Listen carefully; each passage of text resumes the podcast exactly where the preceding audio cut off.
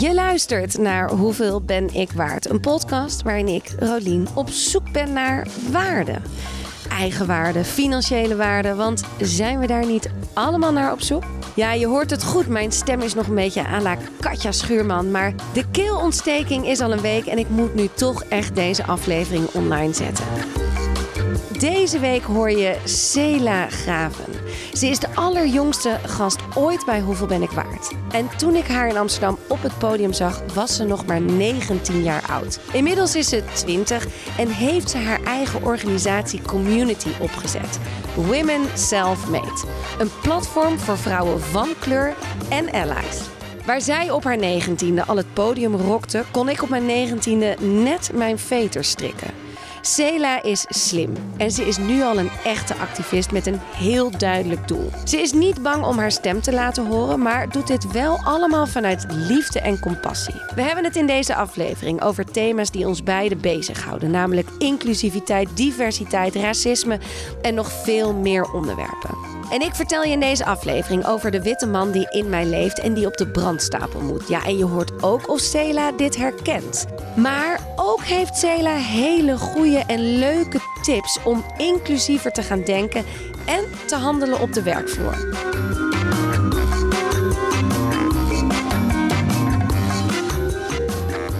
Ik stel altijd één vraag aan iedereen die hier zit en die ga ik ook aan jou stellen. Ja, Wanneer wist je voor het eerst wat je waard bent? Ehm, ik denk 2021. En eh, ik ehm, was eh, eh, net uit elkaar met mijn vriendje. En die had ik al toen ik eh 16 was. En toen dacht ik op een gegeven moment van... Oké, ehm, ik voelde me niet echt heel erg blij. Alsof ik een beetje geleefd werd ook. Want ik heel druk bezig was met mijn studie. En mijn sociale leven. En daarnaast deed ik niet echt wat.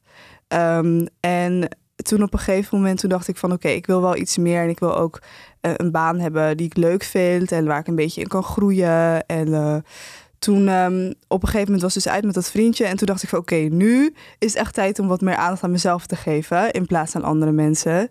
Dus en sindsdien ging het ook wel echt gewoon in een stijgende lijn in mijn leven. Ehm, dus eh, ja, Dat was het moment dat je echt wel een Ja. beetje besefte: ik ga nu echt aan mezelf Ja. werken. Je bent natuurlijk ook ontzettend jong. ja, precies. Ja, ik denk, denk, hoe oud ben jij nu? 20. Ja, jij bent Ja. de jongste gast die ik ooit hier heb gehad. Ja, want mijn doelgroep, tenminste, doelgroep eh, is heel breed. Is wel vaak vrouw, maar het is natuurlijk altijd wat ouder, omdat ik zelf ouder ben. Maar Ja. Ik vind je verhaal super interessant. Jij voelde dus rond je zestiende voor het eerst een beetje van, hé, hey, ik ga aandacht aan mezelf geven. Waarde. Nou, toen was ik 18. 18 was je toen. Oh ja, 2021 zei je. Mhm. Neem ons even mee. Wat doe je allemaal? Ik ehm, eh, zal beginnen bij hetgeen wat ik het leukste vind. Dus dat is eh Women Self-Made, waar ik me mee bezig hou. Met representatie voor vrouwen van kleur. Eh, dat zijn vrouwen met een migratieachtergrond of ehm, eh, biculturele vrouwen. Dat vind ik heel erg leuk. En ehm, hoe dat zich ontwikkelt eigenlijk ook. Dus dat ik begon met artikelen schrijven. heel veel mensen spreek. Ook nog dagelijks via Instagram. En dat ik nu een beetje zit van oké... eh, wil ik, eh, ja, hoe wil ik die verhalen eigenlijk eh, nog meer naar buiten brengen? Dus dat ik nu ook podcastafleveringen gewoon heel sporadisch opneem en kijk of ik daar iets moois van kan maken. Ehm, dus dat is wat ik, ja, dat is het leukste eigenlijk. En daarnaast studeer ik bestuurskunde in Amsterdam. Dat vind ik ook heel erg leuk. En nu loop ik ook nog van mijn studie stage bij het ministerie van Binnenlandse Zaken. En Koninkrijksrelaties. En dat vind ik ook heel erg leuk. Ja, je Dus doet dus is- veel dingen die Ja, leuk zijn. Ja. ja. maar het is druk. Ja, het is druk. druk Ja. ja. En eventjes over die woman self-made. Ja. Wa- wa- heb jij dat zelf opgericht? ja. En wat is dat? Het is ehm, een community voor en door eh, vrouwen van kleur. Eh, en allies zeg ik er altijd bij. Dus iedereen die mijn boodschap support, maakt niet uit wie je bent, eh, kan zich ook eh, aansluiten, met Ja. mij in gesprek gaan, aanbieden, We gaan- kan helpen. Elk woord wat jij zegt gaan we even onder de loep nemen. Want Oh. een, wat is een ally? Een ally. Ik weet het, maar het is belangrijk Ja. dat iedereen deze Ik taal begint te begrijpen. Ja, ik zou zeggen, een ally is iemand die, ik denk, een bepaalde missie support. En dat kan bijvoorbeeld zijn als je zegt van nou, ik ben een ally voor de LHBTI-gemeenschap. Dan denk ik dat je die onderdrukking erkent. En dat je wellicht ook jouw privilege wil inzetten om mensen te helpen. Ja. Ja, dus ik zou dat zo omschrijven. Ja. Eh, ja, ik zie dat ook zo. Een ally is iemand die eigenlijk een community support. Ja. Een eigen hand in boezem steekt. Ja. Hand in eigen boezem. eh, die verantwoordelijkheid neemt. Die bijvoorbeeld, ik ben wit, jij bent zwart. Ja, Ik, dat ik jou, dat ik de groep bijvoorbeeld support. Laten we het echt het beestje Ja. gewoon allemaal namen gaan ja, noemen. ja prima. Oké. Vind ik helemaal goed. Want eh, toch? Want Ja, zo is het toch gewoon. En we moeten d- daar Ja. eh, van uitgaan. Oké, dus ik, als ik deze goed, groep zou supporten, dan ben ik een ally. Ja, vind ik wel. Ja, toch? Ja, vind ik, vind ik wel, ja. Hebben die allies, allies nodig? Ja, zeker. Absoluut. Ehm, ik vind dat ehm, het heel goed is om je eigen privilege te erkennen. En dat ook te gebruiken om eh, anderen te helpen. En ehm, een klein voorbeeld is dat ik laatst eh, een podcastaflevering had opgenomen met een vriend van mij over mannen in de feministische strijd. En eh, dat we het daar ook hadden over hoe je als man je privilege kan gebruiken. Dus dat je bijvoorbeeld als man misschien eh, in een werkomgeving vaker serieus genomen wordt. Dus ook een bepaalde vraag kan stellen waarbij als vrouwen dat doen het misschien niet serieus genomen wordt. Bijvoorbeeld van oké, we zitten hier wel op kantoor met heel veel vrouwen en eh, eh, mensen die wellicht borstvoeding geven. Of eh, hoe kan het dat mijn collega die hetzelfde werk doet niet hetzelfde betaald krijgt. Dus dat je zo je privilege kan gebruiken.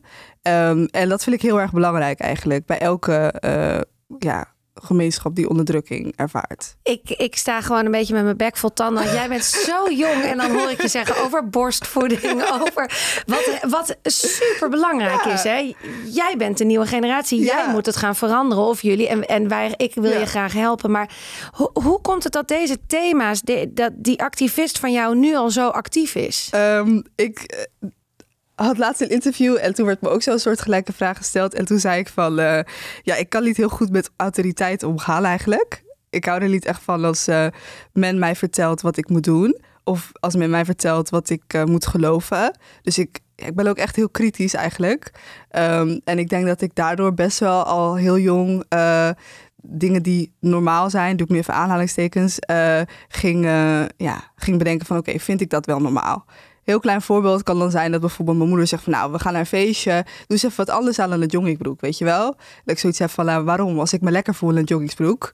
Nee, maar dat is niet net genoeg. Ja, dat ik dan de hele tijd ga, ga bedenken van oké, maar waarom en wie heeft dat bedacht? Dus ik denk dat daar die activist vandaan komt, dat ik eigenlijk nooit wil aannemen dat eh, iets zo is puur en alleen omdat andere mensen het hebben bepaald. Ja. Dus dat ik heel graag mijn eigen mening wil vormen. Ehm, ik denk dat daar wel. eh, Dat zit echt in ja, jou. dat zit echt in. Is dit, ook de, is dit ook de nieuwe generatie die veel meer vraagtekens zet bij alles? Ehm, ik hoop het wel eigenlijk. Ja, ik, eh, ik heb natuurlijk, ja, ik kan niet eh, voor iedereen spreken, maar ik heb wel een hele eh, een vriendengroep met veel verschillende soorten mensen. En ook waar we het gesprek met elkaar aangaan. Ehm, en ook van mening kunnen verschillen. Ehm, en ja, ik denk wel dat het ook wel een generatiedingetje is.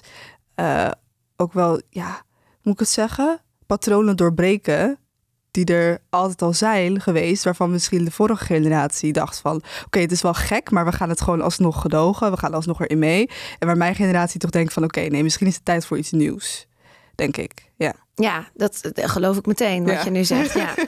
Ehm, discriminatie, racisme, Hm. inclusiviteit, gender. Het is allemaal enorm populair nu, de woorden. Ja, Is het nog nodig? ja, ja. Nou ja, ik zou zeggen, misschien de woorden iets minder. Want het is heel erg leuk om overal een labeltje op te hangen. En te zeggen van, nou, ik eh, sta voor gendergelijkheid. Ik sta voor dit en ik sta voor dat. En uiteindelijk toch in je acties dat niet helemaal laten zien. Ehm, maar ik vind zeker dat het nog wel nodig is om eh, ongelijkheid op welke, in welke vorm dan ook, dat het bespreekbaar is. Dat het bespreekbaar blijft. Want ik denk dat ehm, de eerste stap richting eh, ja, het oplossen van dat soort problemen toch wel is dat mensen zich bewust worden van ongelijkheid. Zeker. En wat, wat, welke ongelijkheid hebben we nog? Nou, we hebben genderongelijkheid. We hebben ongelijkheid op basis van ehm, het hebben van een migratieachtergrond, eh, seksuele geaardheid, het hebben van een beperking. Ja, wij zijn dus gewoon nog niet inclusief. Wie? De maatschappij. Nee, nee, zeker niet. Nee. Eh, En, en eh, jij, jij bent de toekomst. Klinkt ook zo alsof die hele rugzak bij jou ligt. Ja. Voelt dat niet? Want je bent, dat, is, dat is ook waar ik het vanochtend heel even over met uh, Nanette over had. Is dat je draagt wel uh, uh, veel in je rugzak. Je voelt je volgens mij best wel verantwoordelijk om dingen echt te veranderen. Is dat niet een beetje te zwaar om te dragen? In het begin vond ik het wel best wel zwaar. Dat ik echt zoiets had van, oh, dit, dit is een probleem en dat is een probleem. Wat, wat kan ik hier aan doen? Wat kan ik daar aan doen? Maar nu heb ik zoiets van, weet je, ik kies gewoon één ding. En de rest vind ik ook heel erg belangrijk. En dat eh, zal ik ook gewoon uitspreken. Maar nu is het gewoon voor mij gendergelijkheid, representatie voor vrouwen van kleur. Dat is gewoon mijn ding. en daar doe ik gewoon heel erg veel voor. En niet alleen eh, met Women Self-Made, maar ook door gewoon echt gesprek, moeilijke gesprekken te voeren. Ehm, en ja, dat is gewoon mijn ding. En dan de rest vind ik ook super belangrijk. Zet ik me ook voor in. Maar ik kan onmogelijk alle problemen in één keer oplossen. Ja. In één leven. En wat vind jij moeilijke gesprekken? Ehm, moeilijke gesprekken. ehm, als bijvoorbeeld iemand een opmerking maakt die je niet leuk vindt. En dat het is eigenlijk een beetje het grenst aan eh, ja, gewoon iets ja, racistisch eigenlijk. Eh, heb ik gelukkig zelf bijna nooit meegemaakt. Ehm, en dat je dan iemand moet gaan confronteren, dat is moeilijk, vind ik. Want ik heb dan zoiets van: oké, ehm, vaak hebben mensen het niet door. Soms ook wel. Ehm, en dan moet je een beetje gaan uitleggen van... oké, waarom doet het mij nou zo'n pijn? En nou, dat wil je niet doen eh, eigenlijk... tenminste, ik vind het dan belangrijk om niet helemaal eh, in de hysterie te raken en zo. Dus je wil het wel gewoon duidelijk kunnen uitleggen... dat iemand het ook begrijpt. Dat het ook constructief is... en dat die persoon de volgende keer twee keer nadenkt. Ja. Maar dat, de hele aanloop naar zo'n gesprek is al best wel pittig. Ehm, dus ja, dat vind ik eigenlijk wel moeilijke gesprekken. Kan je een, een daadwerkelijk voorbeeld geven dat je in zo'n situatie zat? Dat je dacht, ik moet mijn bek wel opentrekken, maar ja, hoe doe ik dat dan? Ehm, ja, ik kan een voorbeeld noemen. Ik moet het wel een beetje vaag houden. Ehm, ik had een, eh, eh, een opmerking gehad van iemand en ergens. En toen had die persoon gezegd van... nou ja, we kunnen haar vast wel makkelijk vinden... want eh, ze is een van de weinige vrouwen met een gekleurde huidskleur hier. Ik vond het eigenlijk niet zo leuk, want ik had echt zoiets van... beschrijf je andere mensen ook bij hun huidskleur? Ik vind dat eigenlijk niet zo heel erg prettig, maar goed. Ehm, en toen, ehm, ja, toen zei die persoon dat op een gegeven moment van ja, die en die zei we konden die al makkelijk vinden, want ha ha ha ha. Lachen en ik ook lachen en thuis huilen, tranen, niet normaal. En ik echt de hele tijd zo van oké, moet ik er wat van zeggen? Moet ik wat van zeggen? En nou ja, het bracht zoveel bewustzijn van wow, het valt ook andere mensen op dat ik hier eh, een van de weinige vrouwen ben met een donkere huidskleur. Ja. Ehm, en uiteindelijk heb ik er toch wat van gezegd. En ja, dan gaat mijn hart helemaal tekeer. En dan denk ik van, oh, ik vind het best wel pittig om dat dan te benoemen. En dan wordt er ook wel enigszins goed op gereageerd. Ehm, maar ja, dat zijn gewoon moeilijke gesprekken, vind ik. Het is ook heel erg, want ik voel ook die pijn. Ja, Ik voel ook dat als ik in zo'n situatie ben, hoe vaak zeggen we niet die, eh, die donkere man, die zwarte man, Ja. eh, die, die man met dat rasta haar, Ja. of die man eh, of die vrouw met, weet je, je zegt niet, ja, je zegt niet, oh dat meisje met die bril bedoel je en met dat, weet je wel, het is, het precies. wordt meteen ge- gedaan op kleur of Aziatisch met eh, spleetogen, snap je? En dat, klopt. maar hoe krijgen we dat eruit? Ik moet het zelf ook afleren. Ik, vind, ik ga het gewoon eerlijk zeggen. Ik moet mezelf ook gewoon soms eh, even ehm, tot orde roepen. Van hey, probeer nou even iemand anders op een andere manier te beschrijven. Doe het aan haar, de de ogen. eh, zoals je net zei bij mij, een bril bijvoorbeeld. Ja. Dat soort dingen, weet je wel. Ehm, het is sowieso bewustzijn, vind ik, is de eerste stap. Dus dat als je bijvoorbeeld een keer een, fout maakt, je spreekt eh, van, nou, oké, dat is een, eh, ja, ze heeft, weet ik veel, zoals jij, Aziatische afkomst of bla bla bla. eh, dat je dan in ieder geval wel al door hebt van, oh, eigenlijk had ik dat niet moeten zeggen. En dat je jezelf gewoon verbetert. Want hoe vaker je jezelf verbetert, denk ik dat je meer door gaat hebben van, oké, eh, ik moet echt iets anders gaan zoeken om iemand te gaan beschrijven. Ja, Ja. En ook bijvoorbeeld, eh, zouden we het meer open kunnen breken door te zeggen van, vind je het fijn als ik jou een gekleurde vrouw noem? Of een donkere vrouw? Of een eh, vrouw, een zwarte vrouw? Ja, Mogen precies. we het meer vragen aan elkaar? Ik vind van wel eigenlijk. Ik vind bij ehm, eh, huidskleur vind ik het heel respectvol als iemand dat doet. Dat Ja? is mijn eigen, mijn eigen ervaring. Ik spreek natuurlijk niet voor alle zwarte mensen. Ik wissel het soms af, maar ik vind zwart ook niet erg. Ik vind donker ook niet erg. Ehm, maar ik heb bijvoorbeeld wel een vriend van mij die altijd zegt van, "Nou, ik ben donker. Dus ehm, dan refereer ik naar mezelf als eh, zwart. En dan zeg ik over hem, zeg ik donker. Dus ik hou daar ook, en we zijn allebei gewoon donker, maar ik hou er ook gewoon rekening mee. Dus ik denk dat het heel goed is om dat soort gesprekken zeker te voeren. Eh, al vind ik wel bij voornaamwoorden het wel een beetje. Ja, ik vind dat je het ook moet vragen. Ehm, en eigenlijk nog. Ja, vind ik het nog belangrijker als je niet weet ehm, wat iemands voornaamwoorden zijn, dat je het probeert te vragen of dat je ze niet gebruikt in ieder geval. Dat je de naam gebruikt. Dus dat ik dan bijvoorbeeld in plaats van dat is haar tas over jou zou zeggen, dat ik zeg dat is Rolien. Dat is de tas van Rolien. Ja, ik Ja, snap, het. Gewoon de naam, als je de naam weet, Ja, noem precies. gewoon de persoon bij Ja. de, de naam. En, anders, en anders vragen. Vraag naar de naam, ja. En ik heb ook wel eens daar gesprekken over gehad. Van nou, misschien is het heel confronterend als je dat aan mensen vraagt. Daarom vind ik het moeilijk. Maar zoals nu hebben we het nu.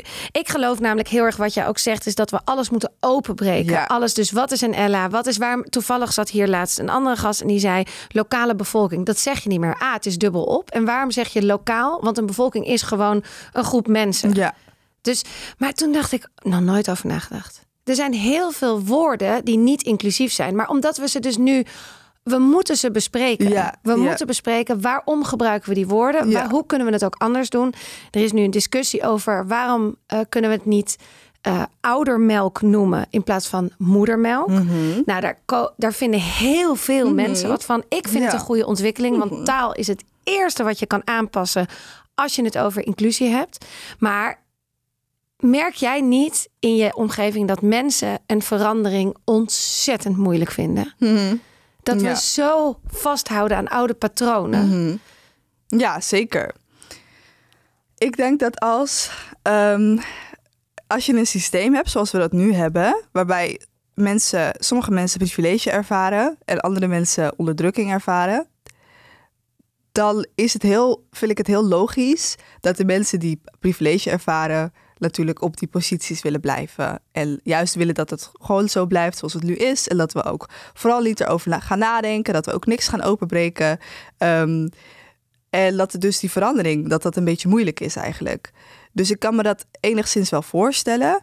Maar ik vind nu wel van, oké, eh, het is nu wel genoeg ook een keer. Het is Ja. tijd om dat systeem gewoon echt helemaal kapot te maken. Oké, ja. ik ga met je meedoen. Hup, dat hele systeem Ja, op de brandstapel, precies. weg ermee.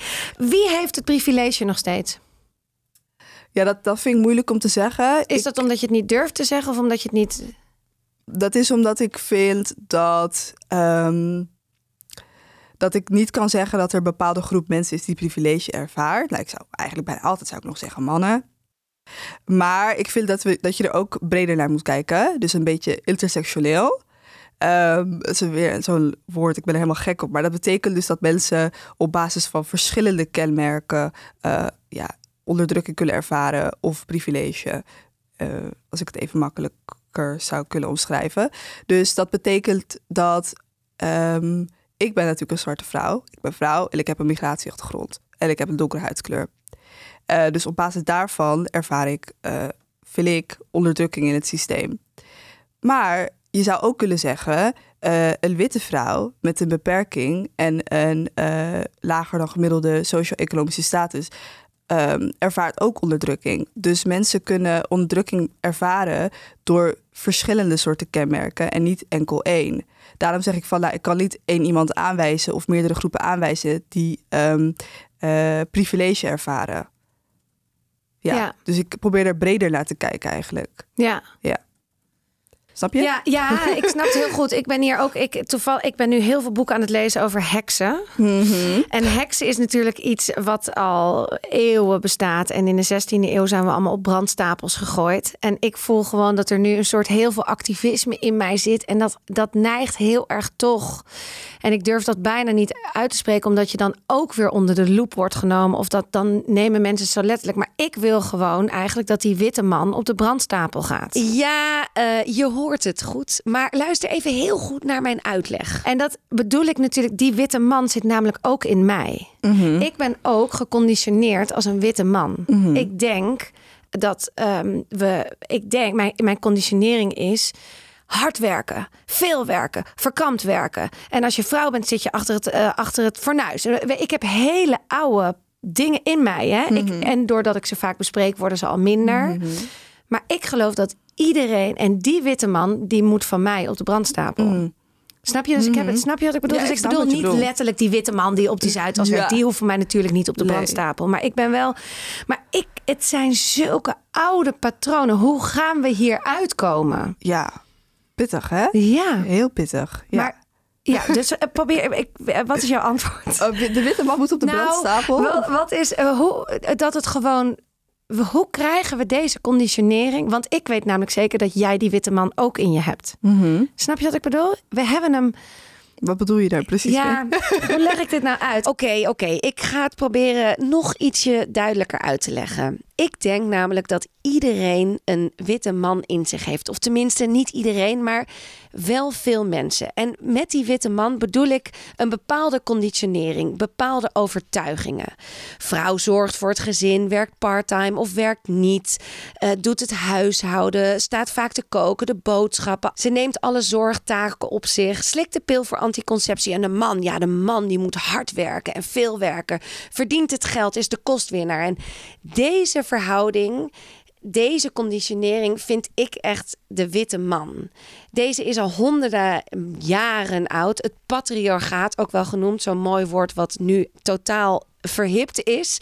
Maar ja, deze overtuigingen die zitten ook in mij. En ook al wil ik dat niet, ik voel ze toch heel vaak. Ik voel toch heel vaak dat ik neig naar die zorgrol, dat ik mijn vriend in die andere rol duw, terwijl 9 van de 10 keer past het helemaal niet meer.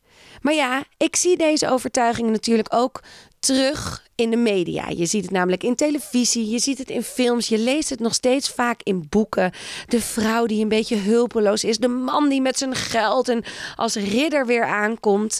Dus die conditionering is zo ontzettend diep geworteld. Die is zo vastgeroest in ons bestaan, in ons dagelijks leven, dat het heel lastig is om die eruit te krijgen. En dat bedoel ik heel erg met de witte man moet op de brandstapel. Dus de witte man in mij, de witte man in mijn vriend, de witte man in mijn vader. En ik bedoel dus niet letterlijk de witte man moet op de brandstapel, maar ik bedoel het patriarchaat, de conditionering van deze overtuigingen, die moet op de brandstapel. Maar ja, natuurlijk ook meteen even een disclaimer, want misschien ben ik echt de enige die dit zo ervaart en denk jij, waar heb je het over, Rolien? Ik heb geen witte man in mij. Laat het dan. Voel je absoluut niet aangevallen. Doe er niks mee. Uh, dit is alleen hoe ik het ervaar. Maar Sela, herken jij deze man, deze witte man? Ik zou zeggen niet. En dat is niet omdat het een witte man is. Ik denk dat dat gewoon een beetje mijn, uh, mijn opvoeding is. Denk ja, ik. maar ik heb geen met mijn man, mijn, mijn moeder is niet zo, heeft mij niet zo opgevoed. Dit is echt de conditionering van de maatschappij. Dat je hard moet werken en zo. Ja. En dat het systeem is dus dat je dat ja, um, vrouw achter het fornuis ja. voor de kinderen, een man werkt heel hard. Gewoon dat blijft ja. maar in mij zitten. Terwijl ik een mo alleenstaande moeder heb uh, die het heel anders heeft gedaan. Uh, totaal niet. Maar je herkent het niet. Nee, mijn, nee, mijn, witte, man, mijn witte man is, uh, is gone. You, you lost him already. Ja. Nou ja, nieuwe generatie misschien. Misschien ben ik Ja. ook echt de enige die dit zo ervaart. Ik voel gewoon nu heel erg dat hij in mij moet sterven, die witte man. Ja, dat die snap ik. conditionering, want die is verschrikkelijk. Ja, maar dat kan ik me heel goed voorstellen. Ja. Dat het heel veel druk oplevert. Ja. Maar mensen zijn ook altijd heel erg verbaasd als ik zeg van, nou ja... Uh, ik zeg, nou ja, ik ben bezig met mijn studie. Ik vind het hartstikke leuk. Maar ik zou niet altijd hoeven willen werken eigenlijk. Nee? Ja, daar zijn mensen altijd heel verbaasd over. Ik vind, ik zie mezelf als feminist. Ik uh, sta voor gendergelijkheid voor alle vrouwen. Um, en, maar dat betekent ook keuzevrijheid en zelfbeschikking. Dat betekent ook als ik niet zou willen werken en ik heb een partner die zegt van nou, dat is prima. Ga jij lekker een jaar, weet ik veel, podcast maken of zo. Uh, ik regel het wel. It's good. Ja, precies. Ja, best. Dus ik ben ben een ik beetje met je die eens. Ja, traditionele dingen probeer ik echt heel erg, um, ja, gewoon, hoe moet ik het zeggen? Nu ook een beetje in perspectief te zien. Ja. Je zou zeggen van nou, als een vrouw voor de kinderen zorgt eh, en, eh, en het huishouden doet en een man werkt, dan is dat heel traditioneel. Dat is prima. Zolang die vrouw dat Daar wil. oké mee is, zolang ja. beide partijen zeggen van nou, dit is wat wij willen. Dus mijn witte man van het harde werken, die probeer ik echt, nee, die is gewoon weg. Want we zijn ook om te leven. Ja, zeker. Heel goed. Ja, het is gewoon dat ik gewoon meerdere kanten... Ik voel me echt een schizofreen als ik dit ook vertel. Maar ik heb gewoon meerdere kanten. En die, dat is ook een kant van mij die heel erg in conflict Mhm. is met zichzelf. Want ik ben, wat jij zegt, ben ik helemaal met je eens. Ik vind de keuze dat ik heel lang ook voor de kindjes heb kunnen zorgen... is heerlijk. En dat ik nu op een latere leeftijd toch carrière wil maken... is mijn eigen keuze. Mhm. Ja. Sterker nog, mijn man doet veel meer thuis dan ik. Mhm. De kinderen zeggen wel eens... ja, wij zien jou wel minder, hè mama? En dat is helemaal goed. Ja, Ik ben er ook minder. Ik ben ook minder aanwezig. Want ik heb gewoon ook een ander pad. En ik wil Ja. andere dingen doen nu, hè, op dit ja, moment. snap ik. Dus nee, ik ben het daar helemaal mee eens. Maar ik vind het soms wel lastig dat deze maatschappij nog zoveel verwacht van ons. Mhm. Misschien ben ik van een ou- oudere stempel. Ja. Want ik vind het ongelooflijk dat jij al op deze leeftijd deze wijze woorden allemaal zegt. Oh, echt? Nou ja, ik, ik had dat niet op mijn Dat twintigste. hoor ik echt van heel veel mensen. Ik, ja, mijn moeder zegt altijd dat ik altijd wel een beetje een, eh, heel snel volwassen werd. Ja, ik weet ook niet. Ik denk een oude ziel of zo. Ik weet ook niet Ja. precies waar het vandaan komt, moet ik eerlijk zeggen. Nee, maar het voelt dan niet dus af en toe dat je denkt van jeetje, dat ik me hier toch al allemaal wel druk om maak. Dat het dus een last is. Ja, nou, ik moet zeggen dat ik... Het is een beetje een ontwikkeling die ik heb doorgemaakt. Want ik had eerst heel erg dat ik... Toen ik net begon met Women Self Made... kon ik me zo druk maken als ik één minuut later postte... dan dat ik had aangekondigd. Was ik echt van, oh nee, maar iedereen zit op mij te wachten. Nou, daarna kon dat besef van... Nee, niemand zit op je te wachten eigenlijk. Eh, mensen vinden het heel erg leuk, maar mensen gaan ook niet... Het is niet dat mensen mij gaan, eh, gaan eh, berichten gaan sturen of zo van... waar blijft het artikel of waar blijft dit of blablabla. Je had gezegd dat je dit zou organiseren en. Nee. En ik denk ook gewoon dat... ehm, ik zie ook om me heen eigenlijk dat mensen gewoon steeds meer rust nemen. En dat, dat werkt best wel goed. Dus dat bijvoorbeeld mensen die actief zijn op social media zeggen van... goh, wij gaan even een maand ertussenuit. Dat werkt heel goed omdat ik dan denk van... oh, oké, dat, dat kan dus ook. En ik vind ook dat als je een goed concept hebt... en mensen vinden het leuk wat je doet... dan gaan ze in jouw ontwikkeling mee. Dan gaan ze ook naar je podcast luisteren... Ook al schreef je eerst artikelen. Dan gaan ze ook, eh, ehm, eh, nadat je een maand lang met vakantie bent geweest, luisteren ook weer naar je. Misschien moet je dan je engagement weer even opbouwen. Maar als je een goed concept hebt, dan blijven mensen daar wel, eh, wel in geloven. Ja. Dus ja, hey, waar komt dit zelfvertrouwen vandaan? ik denk eigenlijk het zelfvertrouwen in het algemeen bedoel je? Of? Ja, je bent gewoon eh bodied. Ja, ik was eigenlijk altijd dat ik op de basisschool ook al niet echt heel erg boeide wat mensen over mij zeiden. Ehm, maar er zijn zeker wel momenten dat ik heel erg geraakt ben door een opmerking of zo die iemand maakt. Eh, kan echt over van alles zijn. Van nou ja, je schrijft je teksten slordig of zo. Ehm, en ik denk dat het eigenlijk wat mij ook zo sterk maakt, is het gewoon mijn omgeving. Mijn support system eigenlijk. Dus mijn moeder, mijn vader, eh, mijn zusje, mijn vrienden, mijn oma. Ehm, als je mij aanvalt, dan word ik eigenlijk altijd opgevangen. Moet ik eerlijk zeggen. Dus ik kan naar huis gaan en gewoon helemaal huilen en verdrietig zijn. En gewoon, dan word ik weer opgelapt en dan ga ik gewoon weer verder. En dat is, dat is denk ik ook wel wat mij heel veel zelfvertrouwen geeft. Dat ik altijd een veilige plek heb, altijd mensen heb die er voor me zijn. eh, en die het beste met me voor hebben. Eh, en die mij ook, want je kan jezelf maar, tuurlijk, je moet zelfverzekerd kunnen zijn en jezelf kunnen, ehm, moet ik zeggen, waarderen. Dus kunnen zeggen van, nou, ik vind het tof dat ik dit doe, punt uit. Het maakt niet uit als andere mensen dat niet tof vinden. Maar het is ook fijn als iemand anders van buiten een keer tegen jou zegt van... hé, hey, ik vind het echt leuk wat je doet. En dat heb ik best wel vaak. Dus ik word best wel vaak, moet ik het zeggen, affirmed eigenlijk... van de, van de dingen die ik doe en hoe ik ben. En dat, ja, dat geeft ook gewoon goede energie. Dus ik denk dat ik gewoon heel veel goede, lieve mensen om me heen heb. Ja. Ja, mooi. Eh, Heel mooi. En ook natuurlijk, wat je, ze zeggen toch altijd zo cliché, wat je geeft, krijg je terug. Ja, Ja, dus het zal eh vice versa werken. hey, geld. geld. Hoeveel ja. verdien jij eigenlijk? Ik denk nu ongeveer tussen de 800 en 900 euro.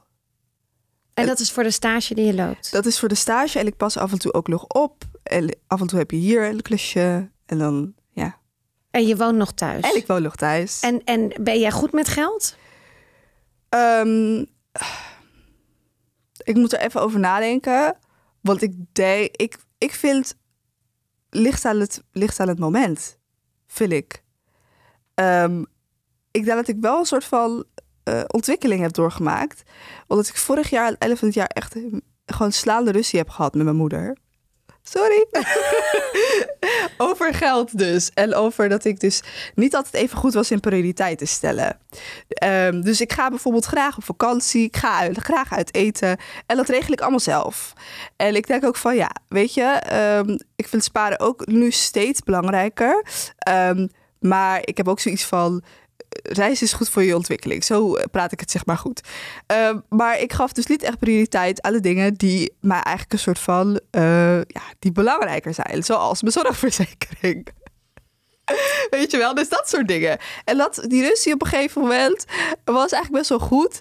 En ik ga eigenlijk altijd met uh, mijn familie door conflicten heen en liet eromheen. Dus dan is het ook constructief gelukkig. En toen had ik wel het besef van oké, Cela, er zijn gewoon bepaalde dingen die je gewoon moet betalen. En um, dat besef was heel goed. Uh, want daardoor heb ik meer kunnen leren om prioriteiten te stellen. En ook af en toe te denken van oké, dan moet ik iets laten gaan wat ik misschien heel graag wil. Voor iets wat gewoon echt nodig is. Dus ik denk dat ik wel steeds beter word met geld. Dat er steeds zeker ook nog wel uh, goede ontwikkelingen kunnen plaatsvinden. Maar ik geef mezelf af en toe ook gewoon een beetje rust van oké, okay, Sil, je bent 20 en het komt allemaal wel. Ja, ik moet daar ook. Ik vind het zo grappig dat je dat aankaart ook nu van die, uh, van die zorgverzekering. Want je, kijk, wij zijn, ik ben 41. Ik ben het al gewend dat ik dat uh, meer dan 25 jaar betaal. 24 jaar. En, uh, ja. Maar mijn zoon is 15. Die wordt natuurlijk over drie jaar 18. En mm. de dag dat je 18 wordt, ben je gewoon een soort van door de maatschappij. Moet je het allemaal zelf gaan doen. Ja. En natuurlijk heb je ouders en ga ik hem daar ook in begeleiden. Maar dat lijkt me, dat is best wel eventjes uh, verantwoordelijkheid nemen voor inderdaad de dingen die je in het leven moet gaan doen. Ja, zeker. En dat is even, ja, dat is even anders. Ja, absoluut. Want het is niet leuk om 100 of meer te betalen aan een zorgverzekering die je nee. 9 van de 10 keer niet nodig hebt. Nou, ik ben chronisch ziek, dus ik, heb hem, ik gebruik hem gelukkig wel helemaal. Jij maakt hem helemaal op. ja, ja, gelukkig wel. Oh ja. Hey, zelf, uh, wacht, ik moet even natuurlijk goed zeggen, Woman Self-Made. Waar gaat dat naartoe? Hoe groot wordt dat? Um, heel groot. Ik ga, het gewoon, ik ga het gewoon uitspreken. Ja, ik vind, je hoeft niet altijd snel te gaan. Je kan ook gewoon kwaliteit leveren en wat langzamer gaan. Ik heb nog steeds een visie in mijn hoofd dat het gewoon echt huge wordt. Ja. En wat is huge? Nou ja, ik heb er natuurlijk uh, goed over nagedacht. Um, nou, ik zou het heel erg leuk vinden om er echt een soort van platform van te maken. Um, waarbij ook andere mensen uh, artikelen schrijven. Um, waarbij je dus ook een podcast hebt. Uh, masterclasses, coachingsprogramma's. Eigenlijk alles om vrouwen uh, van kleur um, en vrouwen in het algemeen in hun kracht te zetten. dat zou ik heel leuk vinden. Ja. Als het zo uitgroeit eigenlijk. Ja, ja, want je noemt het echt vrouwen van kleur. Mag een witte vrouw erbij? Ik vind eigenlijk dat het platform is begonnen voor, voor representatie van vrouwen van kleur eigenlijk. Maar als ik dan bijvoorbeeld een evenement uh, organiseer, dan is dat open voor iedereen eigenlijk. Behalve mannen natuurlijk. Uh, ja, sorry. Maar dan is dat open voor iedereen. Omdat ik het heel belangrijk vind om ook um, bepaalde gesprekken op gang te brengen en te stimuleren eigenlijk. Dus ik hoop wel dat iedereen zich welkom voelt. En ik had ook het idee toen ik in januari een netwerk uh, bijeenkomst had georganiseerd, dat dat ook wel het geval was. Heel leuk om te zien dat verschillende soorten mensen dan met elkaar uh, in gesprek gaan. Ja. Ga je dat vaker organiseren, een soort netwerkborrel? Ja, dat lijkt me echt heel erg leuk. Ik heb daar natuurlijk minder tijd voor nu, uh, door mijn stage. Maar ik zit nu wel te denken om een beetje een uh, soort van bijeenkomst te organiseren. Dat gaat over inclusieve werkomgeving. Ik had laatst uh, had ik een soort van frustratie geuit op mijn story. En dan denk je ook wel van, oh lekker, zo'n community, heerlijk. Uh, dat ik zei van, nou, ik word er echt een beetje moe van om elke keer de enige soort vrouw te zijn in een, in een ruimte. Ik word er gewoon moe van.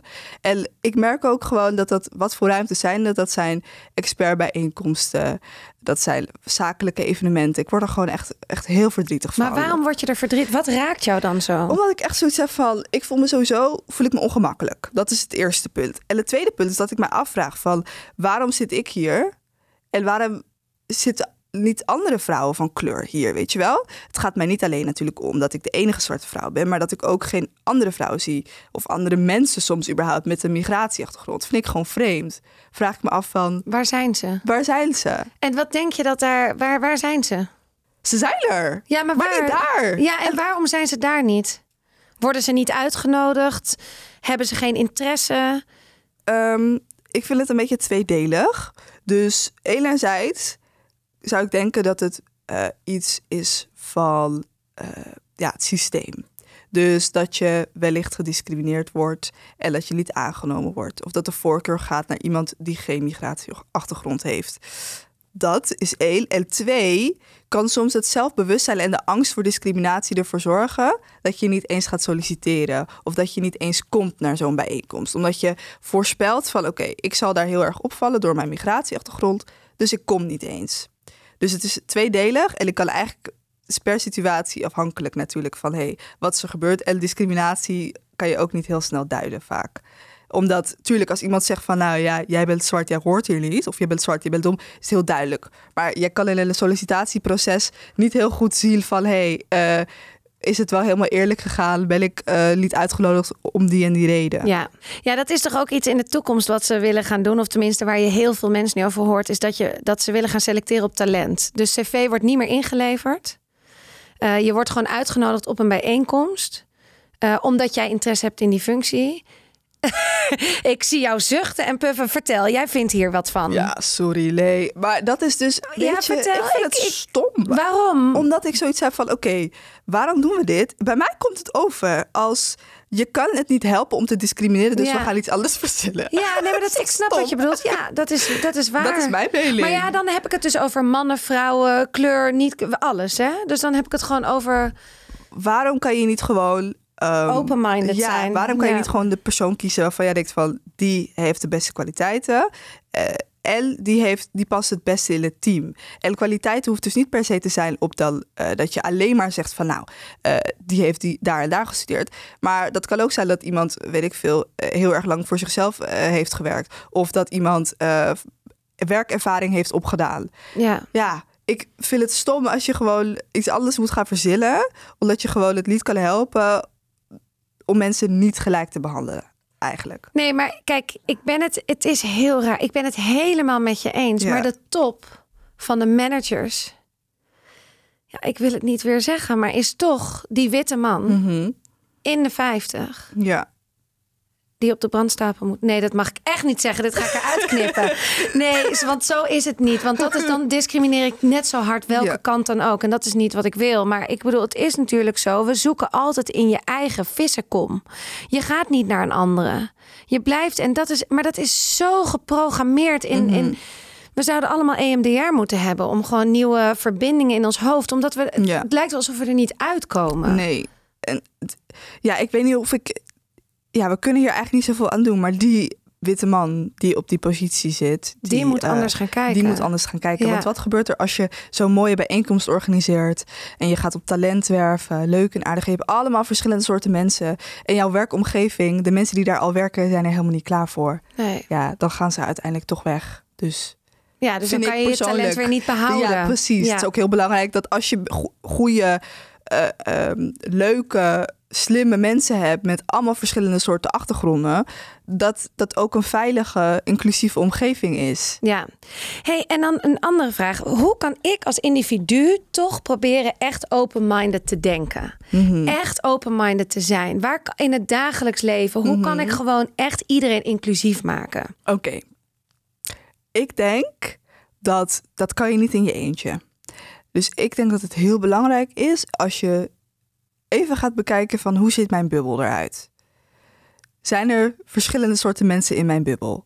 Zijn er mensen waarmee ik praat die mij ehm, van gedachten doen veranderen, nieuwe ideeën geven, waarvan ik denk van, oh goh, daar had ik nooit zo over nagedacht, weet je wel? Het is heel belangrijk om dat soort mensen in je kring te hebben. Want ik denk dat je een soort van gevoeligheid, dat zeg ik best wel vaak, gevoeligheid moet gaan ontwikkelen voor verschillende soorten mensen, voor verschillende soorten problemen die zij ervaren. En dat krijg je alleen als je ook met verschillende soorten mensen in gesprek gaat. Simpel voorbeeld is dat bijvoorbeeld op in werkomgevingen het heel normaal is om alcohol te schenken. En dat als jij met iemand gaat praten die uh, bijvoorbeeld moslim is, uh, die het eigenlijk helemaal niet zo prettig vindt dat er alcohol wordt geschonken op die borrels. Um, dat zou je waarschijnlijk niet bedenken. Je neemt gewoon een wijntje en je gaat gewoon lekker, lekker borrelen. En die persoon voelt zich misschien helemaal niet zo prettig. Want wat is er nog meer te drinken? Is er nog wel genoeg lekkers te drinken voor die persoon? Dat weet je als je met mensen in gesprek gaat daarover. Weet je wel. Um, dat is gewoon heel belangrijk, denk ik. Gesprekken voeren met mensen buiten je bubbel. Verschillende soorten mensen. Uh, ook vragen stellen, je open opstellen, interesse tonen. Uh, want dan kan je een beetje gevoeligheid ontwikkelen. En dan kan je ook uh, dat soort dingen sneller spotten. Snap wat ik bedoel? Bijvoorbeeld, dan, als jij mensen in je omgeving hebt die bijvoorbeeld een bepaalde feestdag vieren, die we in Nederland over het algemeen, het is geen nationale feestdag. Um, en jij krijgt dan in de mail: oké, op die en die datum uh, vindt er dit en dit plaats. En je hebt met iemand gesproken, dan kan je zeggen: van hé, hey, oké jongens, dit gaat niet helemaal goed. Want een groot deel van ons kantoor uh, is op die datum uh, niet vrij. Snap je? Dus ja. gewoon echt met mensen praten, uit je bubbel komen. Ik vind dit een hele leuke, leuke, leuke tips. Of leuk om zo te gaan denken. Ja, toch? Vind ja. ik ook wel leuk. Ik, het zijn ook dingen waarvan ik mezelf ook verbaas. En het is ook leuk als je dan op een gegeven moment die persoon kan zijn die gewoon kan zeggen van, nou jongens, dit klopt niet helemaal, want ik heb met die en die en die gesproken en het is eigenlijk helemaal niet zo inclusief. Nee, en het is niet handig. Laten ja. we, kunnen we het zo doen? Ja, of kunnen we het zo doen? Of wat precies. zijn de opties? Of, en, en, ja, ja, en dat dus ook een beetje wel de verantwoordelijkheid nemen om het open te breken. Ja, ja zeker ja, het is openbreken is moeilijk. Maar eh, ja, je voelt je dan toch ook een soort van superwoman. Ja, en weet je wat soms ook is? Verandering duurt zo lang, hè? Ja. Want jij en heel veel andere mensen om me heen en ik ook. En ook, eh, we, we, we leven ook in Amsterdam, hè, in de Randstad. En uh, wij, ik denk echt wel dat ik een beetje dat ik wat weet. En ik probeer echt steeds meer hand in eigen boezem te doen. Maar ik weet ook dat ik nog dat ik dat het zo traag is. En dat het zo lang duurt voor zelfs dat mijn hersen zal anders denken. Of dat ik de juiste vragen ga stellen. Of dat ik uh, verantwoordelijkheid durf te nemen. Ja. Zo vaak gehad dat ik toch mijn bek hield. Dat ik toch dacht, ik zeg niks. Ik doe net alsof ik het niet gehoord heb. Terwijl je kan gewoon, wat jij ook in het begin van het gesprek al zei, best wel gewoon rustig tegen iemand zeggen. Goh, hoor je wat ja. je net zelf ja. zegt? Ja. Precies. That's it. Ja. Kan gewoon met uh, respect. Ja, maar ik zou jezelf ook niet zo opvreet als het dan niet een keer lukt, weet je wel? Nee, maar ik vind wel dat we het allemaal echt meer mogen doen. Ja. Want dat hebben we dus ook jaren gedaan. Dat we dachten, ja, we hoeven niet te hard te zijn voor onszelf. Nee, oké. Okay, en ik vind ook, ook wel een beetje dat nu uh, in heel veel situaties, ook uh, met het vliegen en zo, dat ik echt wel, wel in situaties kom dat ik denk, nu moet je gewoon je bek open trekken. Okay. Ja, dus okay. maar dat is mijn eigen dingetje. Mm -hmm. hey, uh, geld verdienen. Mm -hmm. Wil je rijk worden? Ja. ja, dit duurt te lang. Ja, nou, ik rijk worden. Oké, okay, nu ga ik, weer, ga ik weer iets heel erg zweverigs zeggen. Ja, waarom niet? Ja, wat is rijk? Nee, grapje. Um, nou ja, ik vind mezelf al rijk eigenlijk. Ja, ja, Rijk, rijk als in niet financieel, zeg maar. Ik, het gaat me eigenlijk niet zo om geld, moet ik eerlijk zeggen. Ik ben nooit echt gedreven door geld. Ik denk ook niet dat dat gaat komen. Ik denk dat het vooral... Maar ik heb ook een hele simpele, simpele opvoeding gehad. We hebben het heel goed. Maar we hebben het ook vooral goed omdat we gewoon uh, een lekker leven hebben, weet je wel? Omdat als ik bijvoorbeeld naar mijn ouders kijk, die hebben plezier in hun werk. En hun werk, dat geeft hun de mogelijkheid om dingen te doen die ze ook uh, buiten het werk heel erg leuk vinden. Dat is eigenlijk precies hetzelfde wat ik wil. Ik wil gewoon mezelf kunnen bedrijven, zoals mijn vader altijd zegt. Um, uh, kunnen sparen, op vakantie kunnen gaan, havermelk kunnen drinken. dat, toch wel, toch wel. Van 2,80 euro per pak ongeveer, ja. Dat soort dingen. En gewoon een beetje verandering kunnen maken. Dus ja, rijk, als ik rijk word, dan denk ik dat dat per ongeluk gaat, moet ik eerlijk zeggen. Dat ik, zo, dat ik iets zo leuk vind, zo hard voor ga. En dat ik daar ook geld mee kan verdienen. Dat ik mijn werk zo leuk vind dat het gewoon per ongeluk gaat. Ja, dus jij kan gewoon dat hele, je woman self-made, dat kan gewoon gratis. Dat blijf je gewoon altijd gratis doen en wat je hoeft er niet mee te verdienen. Nou, ik moet eerlijk zeggen dat ik ook wel in omgevingen kom waarin mensen me echt zeggen van Cela, je moet niks meer gratis doen. En dat ik echt wel een beetje word gehyped van oké, eh, als mensen je om gratis uh, uh, DNI, diversiteit en inclusie advies vragen, moet je dat niet zomaar, moet je niet zomaar doen, weet je wel. Um, want het kost gewoon voor jouw tijd en het kost gewoon uh, voor jouw energie en dat soort dingen. Dus ik moet eerlijk zeggen dat ik nu wel een beetje aan het nadenken ben van Oké, als ik dan met Women Self-Made wat groter word, wat zijn dan manieren waarop ik geld zou kunnen verdienen ja. daarmee? Ik ga zeker niet als iemand komt van, hey, ik wil je dit en dit geven, ga ik zeker niet nee zeggen. Ja, sorry, maar ik, ik ben humble, maar ik wil wel gewoon, als het kan, alles eruit halen wat erin zit. Ja, en misschien is dat dus ook nog te leren dat daar mag geld tegenover staan. Ja, precies. De kennis die je hebt, die je gaat delen. Ja, ja. het hoeft niet allemaal gratis. Nee. Nee. nee. Dit was hem. Ja, ging snel. Ja, ging snel hè? Heel, heel snel. Wil je nog iets delen? Nou, ik heb denk ik alles eigenlijk wel ja, gezegd. Je hebt het mooi gezegd. Oh, dankjewel. Ik ben gewoon verbaasd. Ik denk, ik was gewoon op mijn twintigste, joh. Ik, ik kon net mijn veter strikken Ja, voor mijn gevoel. dat zegt Ja. echt iedereen. ik heb nog wel één ding te zeggen eigenlijk. Vertel. Ja, Oké, ik luisterde laatst naar een podcast en het was van een vrouw die ehm, topambtenaar is bij het ministerie van VWS. En massagebegeleider had het aangeraden. En ehm, zij vertelde over inclusie, ze vertelde over diversiteit, discriminatie, bla bla bla. En toen ehm, zei ze op een gegeven moment, als ze ergens gaat spreken, hoe dan haar, ja, haar optreden of haar, weet ik veel wat het is, ja, keynote, ik weet het niet, hoe dat dan heet. En toen zei ze, ehm, inclusion, if you can take the heat, stay out of the kitchen. En toen dacht ik van, hmm, dat vond ik wel een hele mooie. Dat ik interpreteer het als, als je inclusief wil zijn, dan moet je dus ongemakkelijke gesprekken voeren. Dan is dat niet altijd fijn. Het is niet in je comfortzone. Je moet gewoon moeilijke dingen doen om verandering teweeg te brengen. Want anders gaat het niet lukken. Cela, weet jij toevallig nog hoe die podcast heet? Ja, het is eh, Stuurloos van de Volkskrant. En eh, de topambtenaar van VWS is Abigail Morville. Super. Yes. Dus daar is hij te luisteren. Dankjewel. Graag gedaan. Dit was hem. Yes.